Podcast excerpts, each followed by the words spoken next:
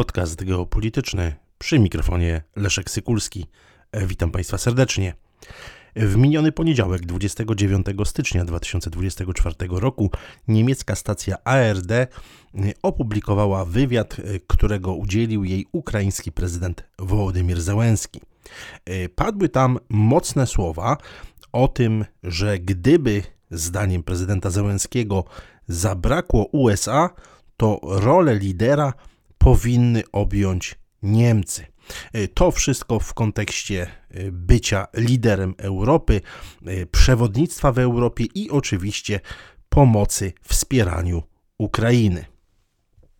W tym materiale ARD prezydent Zełenski wyraził opinię, że jest co prawda mało prawdopodobne jego zdaniem, aby Stany Zjednoczone przestały pełnić rolę lidera we wspieraniu Ukrainy, natomiast gdyby tak się stało, to Wołodymyr Zełenski oświadczył, że życzyłby sobie, aby taką rolę objęły Niemcy. Zdaniem ukraińskiego prezydenta tylko Berlin e, ma szansę, aby zjednoczyć Unię Europejską, jeżeli chodzi o wsparcie, wsparcie Ukrainy. Ukraiński prezydent powiedział, cytuję: Wiele krajów ma poważne relacje gospodarcze i jest gospodarczo zależnymi od niemieckich decyzji, bo Niemcy mają silną europejską gospodarkę.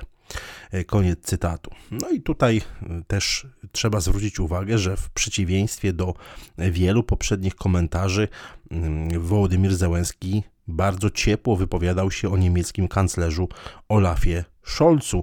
Skrytykował z kolei poprzednie władze, e, władze Niemiec. Powiedział, że nie jest rozczarowany Olafem Scholzem, że jest rozczarowany niemiecką polityką, e, która podczas zajęcia Krymu e, przez Rosjan nie odegrała takiej roli, jak to określił, na jaką Ukraina by jego zdaniem zasługiwała.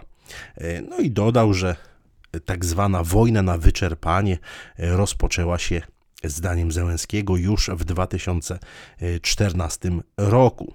Po tej wizycie prezydenta Ukrainy w Niemczech widać już wyraźnie, jak Niemcy bardzo szybko, bardzo sprawnie y, uzyskali inicjatywę w relacjach z Ukrainą, czy w ogóle, e, jeżeli chodzi o mm, bycie, no takim można powiedzieć, e, traktowanym jako przyjaciel Ukrainy e, w oczach samych Ukraińców. To niewątpliwie zasługa niemieckiej dyplomacji, niemieckiego biznesu, niemieckiego wywiadu pokazuje, jak sprawnie e, poradzono sobie z tymi początkowymi trudnościami. No, przecież pamiętamy chociażby e, kwiecień roku 2022, kiedy e, prezydent Frank-Walter Steinmeier tak naprawdę w ostatniej chwili musiał zrezygnować ze wspólnego wyjazdu do Kijowa z prezydentami Polski, Litwy, Łotwy i Estonii.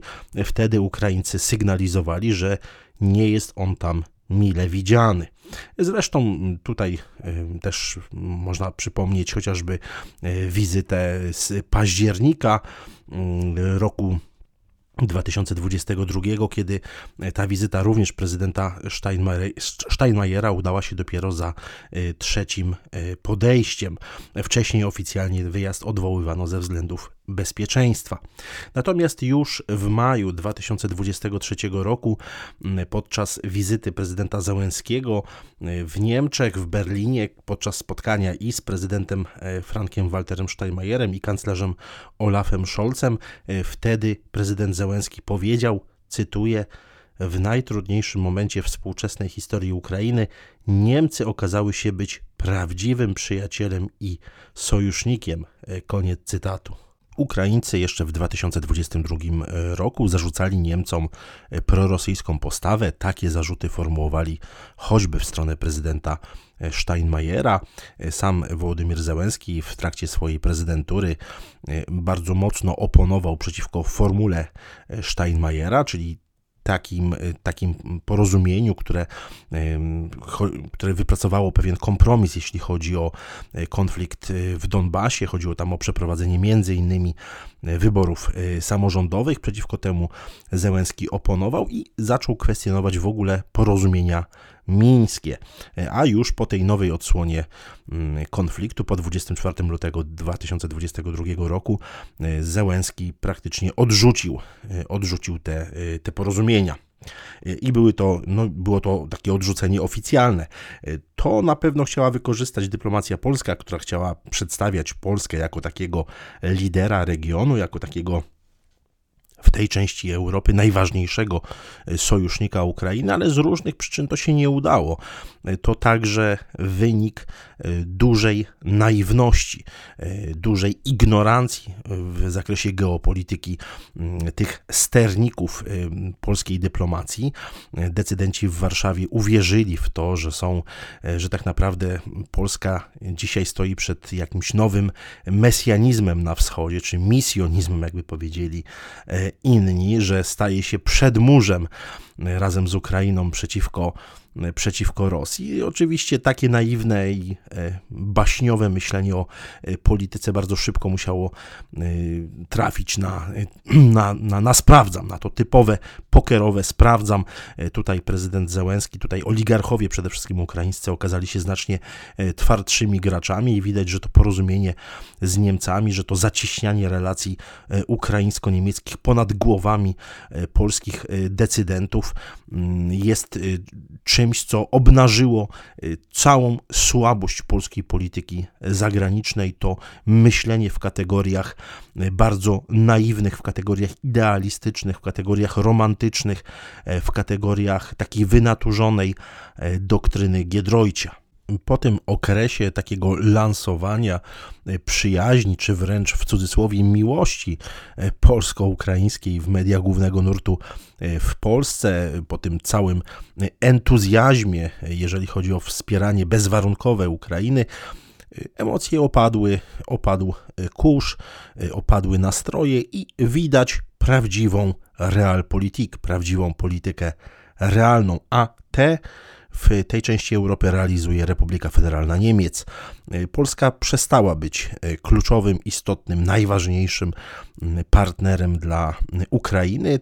Moim zdaniem to była pewna fasada, pewien teatr w ogóle przedstawiania relacji polsko-ukraińskich przez taki pryzmat. Zresztą relacje, tutaj recenzowałem w podcaście geopolitycznym książkę e, Zbigniewa Parafianowicza Polska na wojnie i tam wyraźnie wynika z tej książki, z relacji, z wypowiedzi ukraińskich mm, decydentów, że spora część y, właśnie tychże była i jest traktowana mm, na Ukrainie przez ukraińskich oligarchów, przez ukraiński establishment jako, mówiąc najdelikatniej, jak to potrafię jako naiwniacy, jako naiwniacy.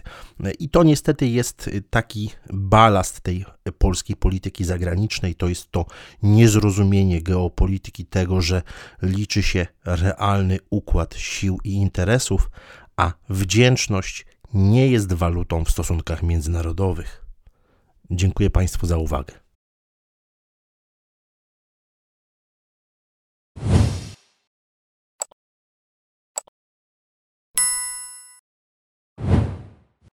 Szanowni Państwo, zapraszam Państwa serdecznie do odwiedzenia księgarni geopolitycznej, gdzie w sprzedaży jest już drugie wydanie mojej książki zatytułowanej Geopolityka a bezpieczeństwo Polski. To książka, która w sposób przystępny pokazuje genezę najważniejszych koncepcji geopolitycznych, które kształtowały e, polską myśl geopolityczną, polską politykę zagraniczną e, i rzuca nieco więcej światła na otoczenie międzynarodowe Rzeczypospolitej współcześnie.